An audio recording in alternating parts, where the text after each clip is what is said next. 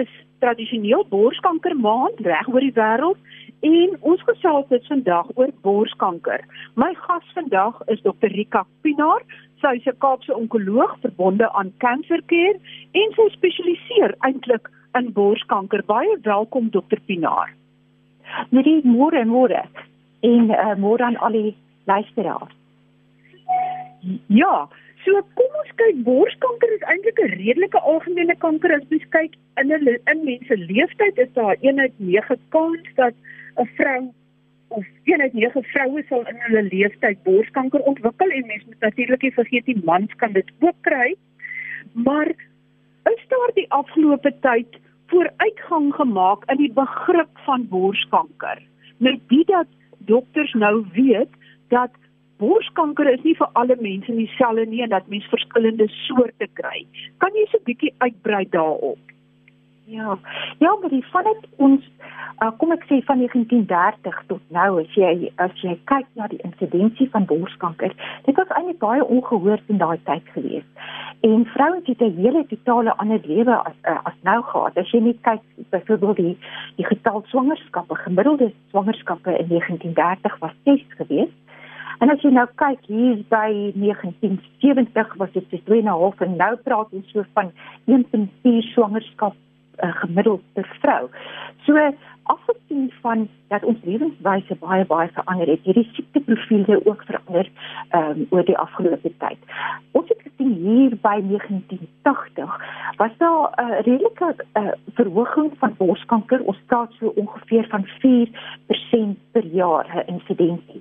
Maar gelukkig hierdie die sterfte syfer uh, geleidelik uh, begin daal. Die groep waaroor ons die belang, uh, die meeste bekommerd is, is eintlik 'n groep wat voorheen uh, skaars gediagnoseer was met borskanker en dit die jong vrouens.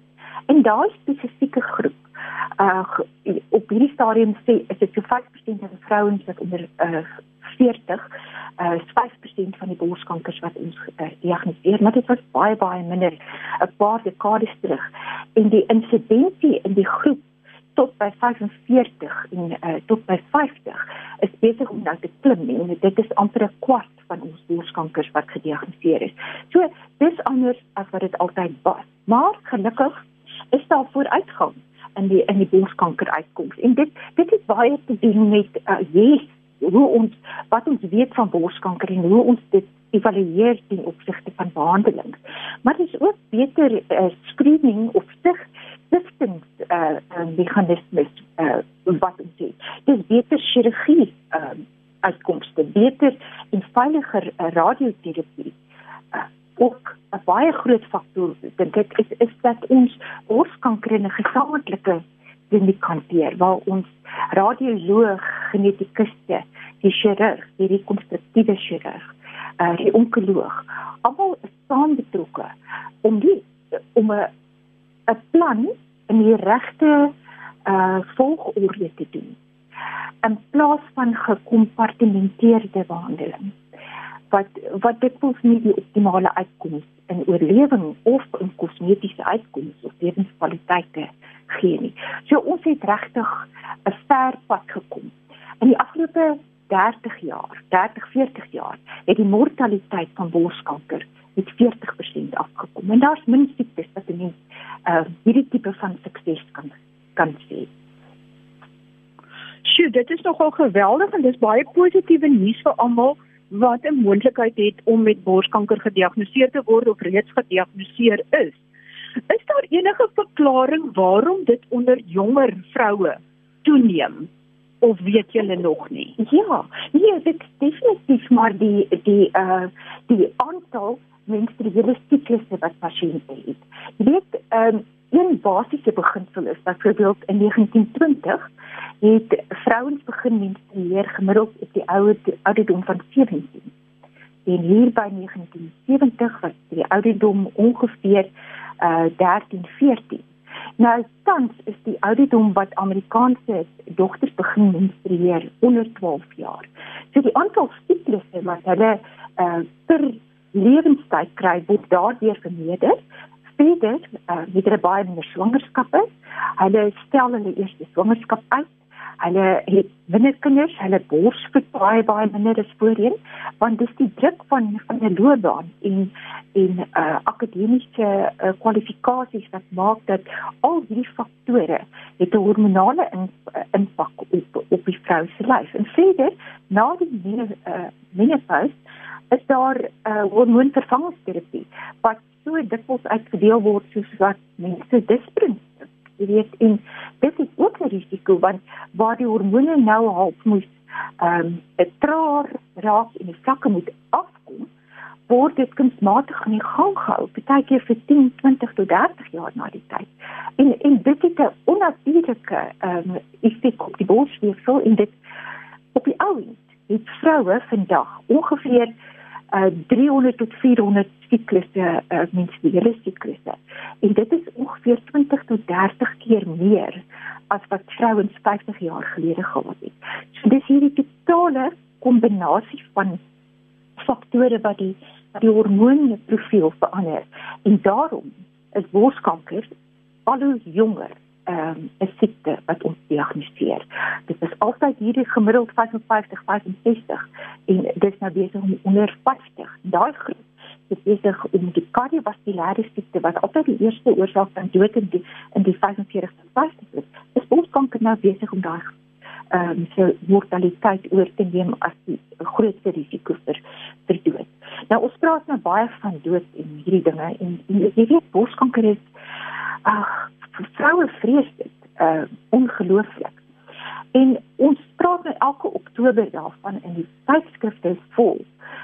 Maar jy weet, ek dink ons raak amper hoor in die doof uh vir die ampere oorlading van inligting wat ons vir pasiënte en vir die algemene publiek gee oor borskanker. En nou net so amper teruggaan na die basics, die goed wat ons nou hier noem. 'n Baie van dit is byvoorbeeld faktore wat jy kan verander uh, wat wat jou risiko kan verander. So ek het gewonder wat gaan ek en jy nou vandag oor praat? Uh hoe kan ons 'n uh, ander boodskap wat miskien meer prakties is vir vir die luisteraars gee? Want met die die aantal pasiënte wat vir my sê in hierdie 30 jaar wat ek borskanker behandel, hulle doen gereeld borsondersoek en hulle het nou hierdie knoppie gevind in die bors. Weet jy, ek het baie hard gedink, maar ek kon regtig nie aan een dink wat met so 'n geskiedenis kom na my toe. Die pasiënte wat na my toe kom, het toevallig geknop ontdek in die ehm um, in uh, terwyl hulle uh, bad geneem het of hulle afgedroog het of opge, omgedraai het in die bed en dan is die knop gemiddeld 2 2 cm groot. So die die hele boodskap wat ons gee van jy met borsondersoek doen. Dit dit vind eintlik nie plaas En miskien moet ons nie dan vir die pasiënte sê, weet jy, kom ons draai dit om en ons sê as ons dink aan borskanker maak, dan moet ons dink aan al die faktore wat ons in ons lewenstyl kan verander wat jou risiko vir borskanker dramaties gaan verander. Daar is tog goed wat jy nou nie kan verander nie, want soos jy ouer raak, ehm um, is jou insidensie hoër en as jy 'n vrou Ehm um, en jy kan net soveel kinders hê. Al daai faktore is nou klaar in die geskiedenis. Maar ons kan met ons jong kinders begin.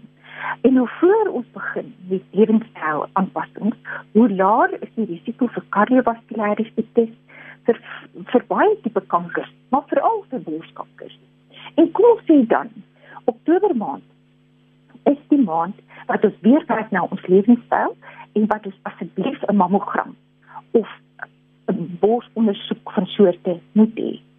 Die die mammogram kan 'n borskanker optel 2 tot 3 jaar voordat dit tasbaar is.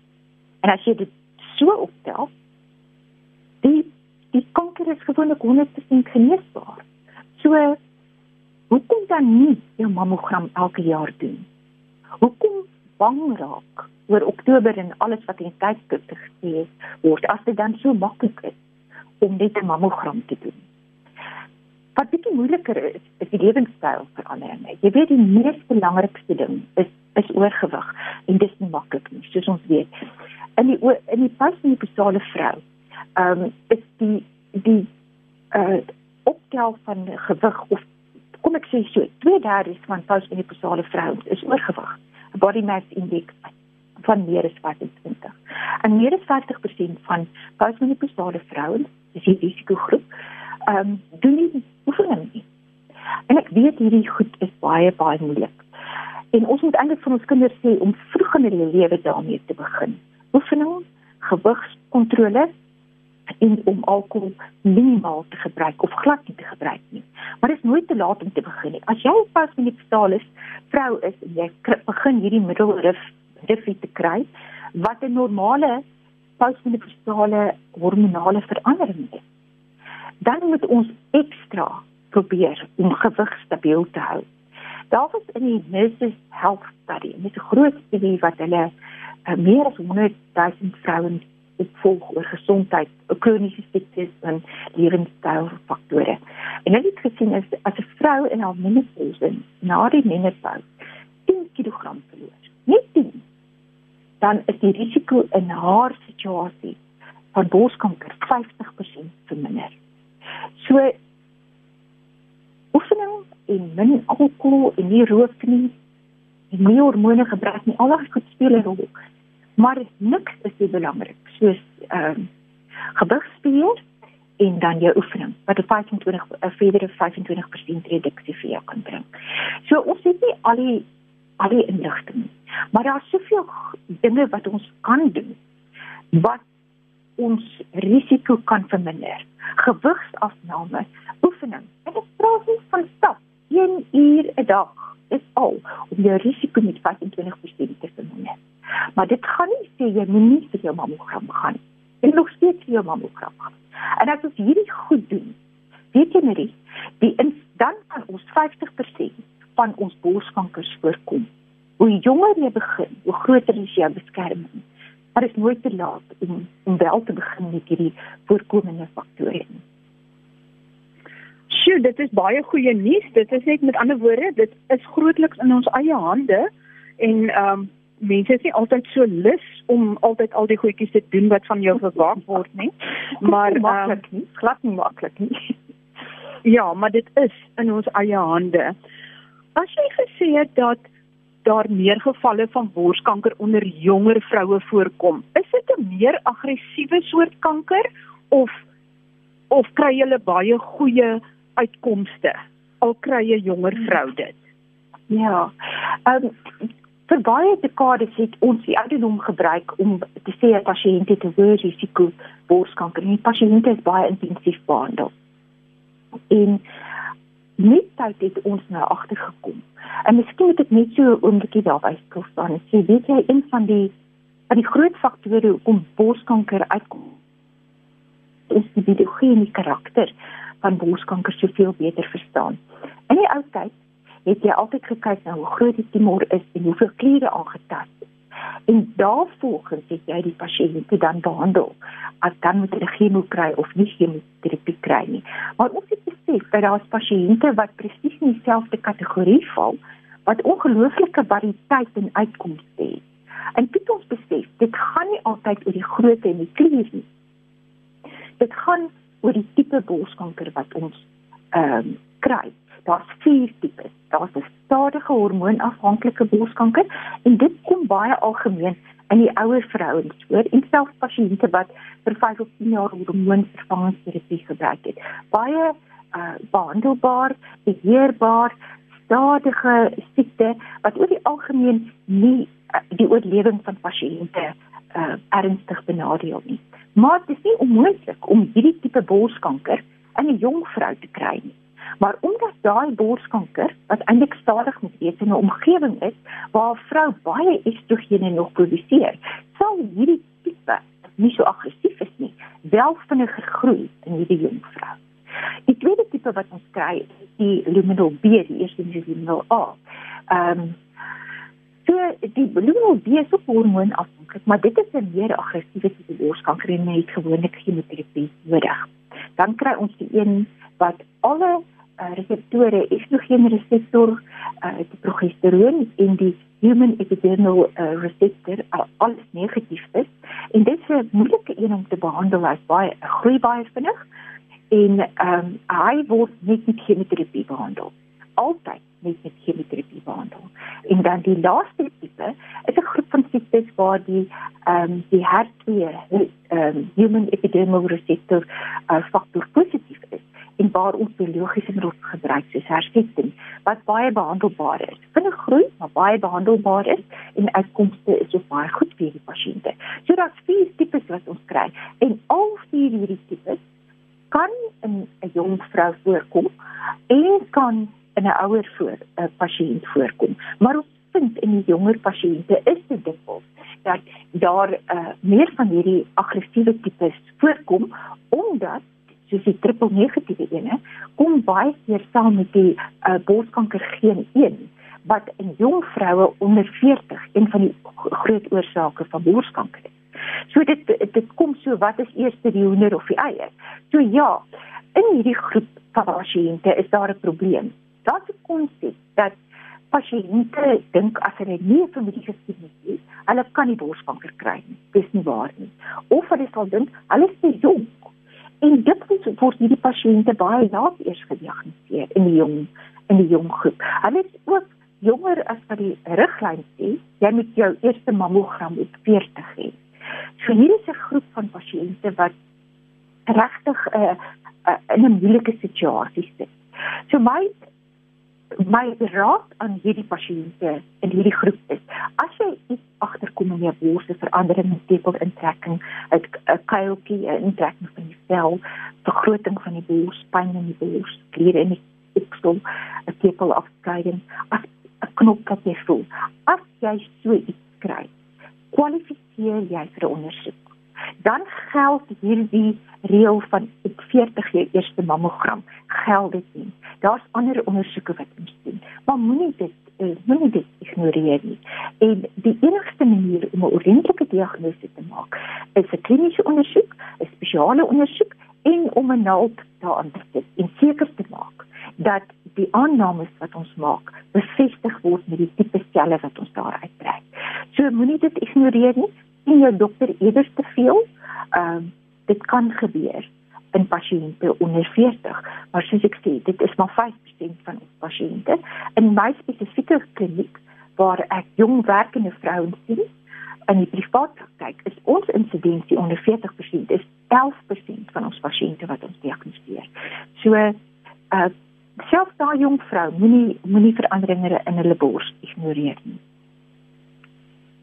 Sjoe, in watter gevalle as mens nou kyk na genetiese faktore en goed en soos jy sê dis nie altyd net daai vreeslike bekende BRCA1 en 2 kankergene of borskankergene nie en eintlik is daai borskankergene eintlik kan dit ander kankers ook veroorsaak. Dit dis is eintlik nie 100% die regte benaming soos wat ek verstaan nie.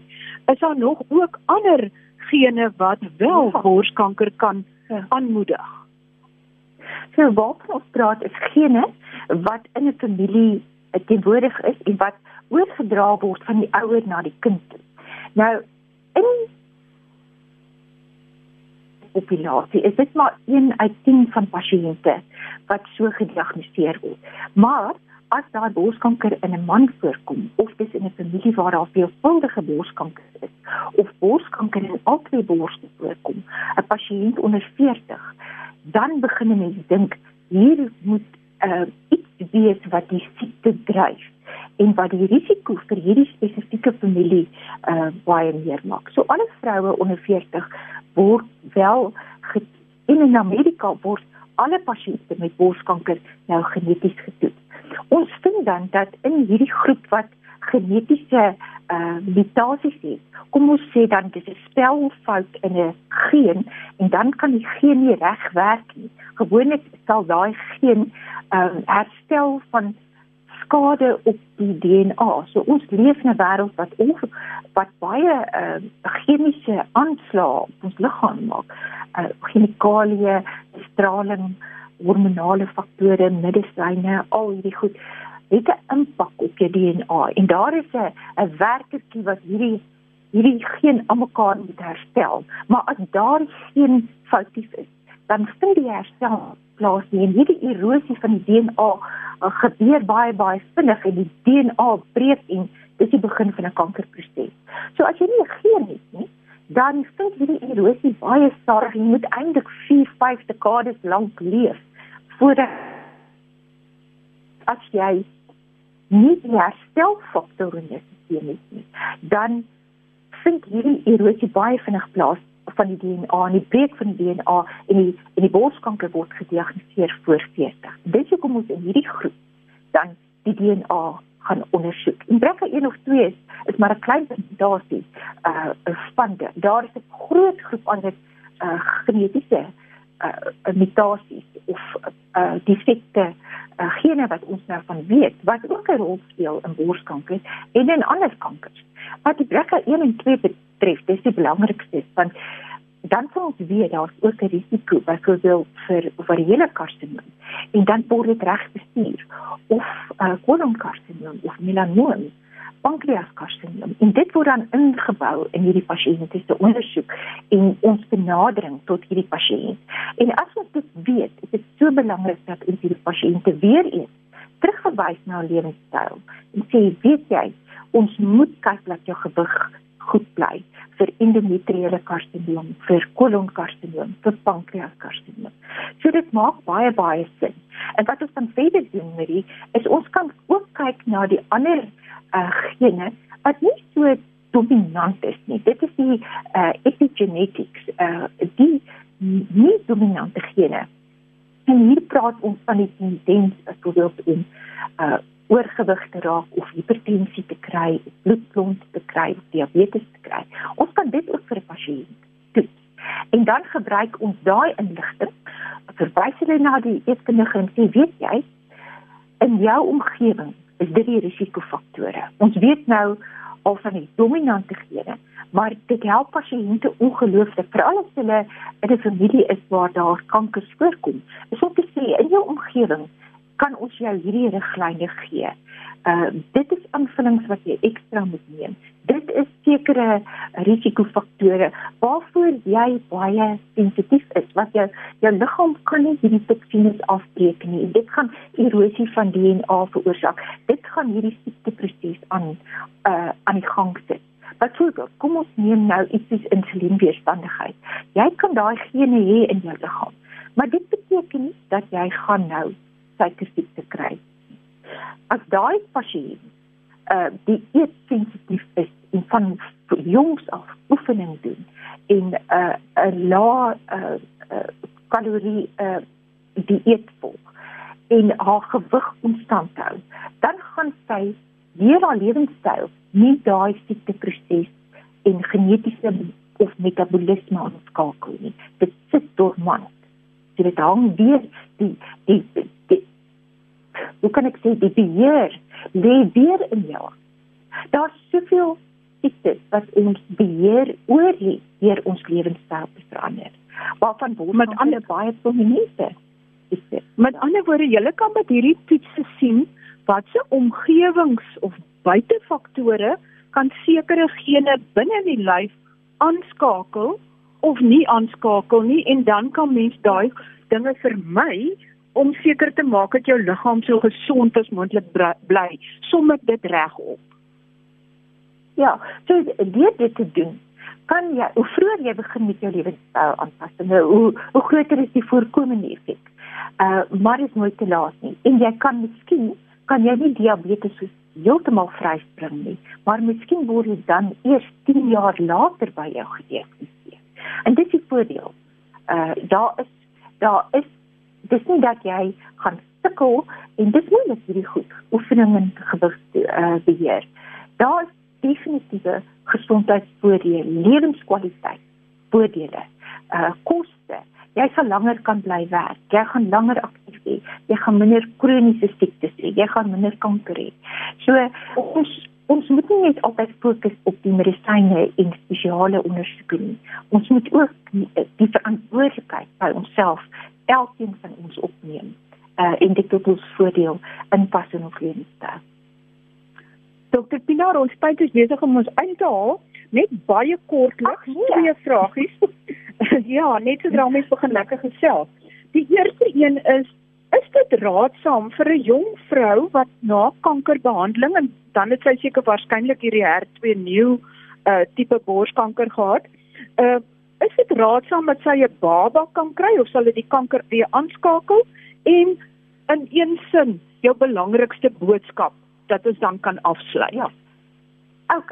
Uh wat die bors wat die swangerskap aanbetref in borskanker oor uh, uh survivors. Ehm uh, ja, vir baie vir baie dekades was dit taboe, maar daar is 'n studie gepubliseer um, in 'n joernaal in 2017 wat pasiënte gevolg het vir 10 jaar. En dit was uh, pasiënte wat hormoonafhanklike en hormoonnegatiewe borskanker gehad het. En wat hulle gevind het, is eerstens daar's geen verskil in die oorlewing gewees nie. Daar was ook geen verskil gewees in die uh, relapse of die heraanskakeling van kanker in hierdie pasiënte of hulle nou 'n uh, swangerskap gehad het of nie. Maar dit was moeilik om swangerskappe te kry na borskankerdiagnose. En nou uh, spandeer ons baie meer tyd om die fertiliteit te bou, maar daar was ook 'n baie interessante uh, waarneming. Hulle het gesien in die hormoonnegatiewe groep, as daardie pasiënte swanger geraak het, het hulle relapse uh, rate en die triple negatiewe borskanker met 40% ge, ge, uh, afgekom. So daar was amper 'n beskermende effek geweest wat ons nie weet of dit immunologies of hormonaal is nie. Dit is ook interessant dat borsvoeding uh, 'n uh, baie uh, goeie beskerming bied teen triple negatiewe borskanker. So daar is iets wat ons nog moet uitwerk. Wat my finale aanbeveling aanbetref, is dat ek wil net hê dat vroue moet nie verlam word deur die vrees van borskanker nie. Al is dit in jou familie, beste wat jy kan doen is om te begin stap, te probeer om gewig te verloor en elke Oktober te onthou dat jy moet gaan vir jou mammogram. Baie baie dankie Dr. Pina, dis baie praktiese en nuttige inligting en ek hoop die luisteraars verstaan nou meer daarvan. Tot volgende week dan, dan gesels ek weer gesondheidsake, so skakel asseblief weer in. Baie groete van my, Marie Hudson en ek groet hierdie slag uit die Parel uit. Totsiens.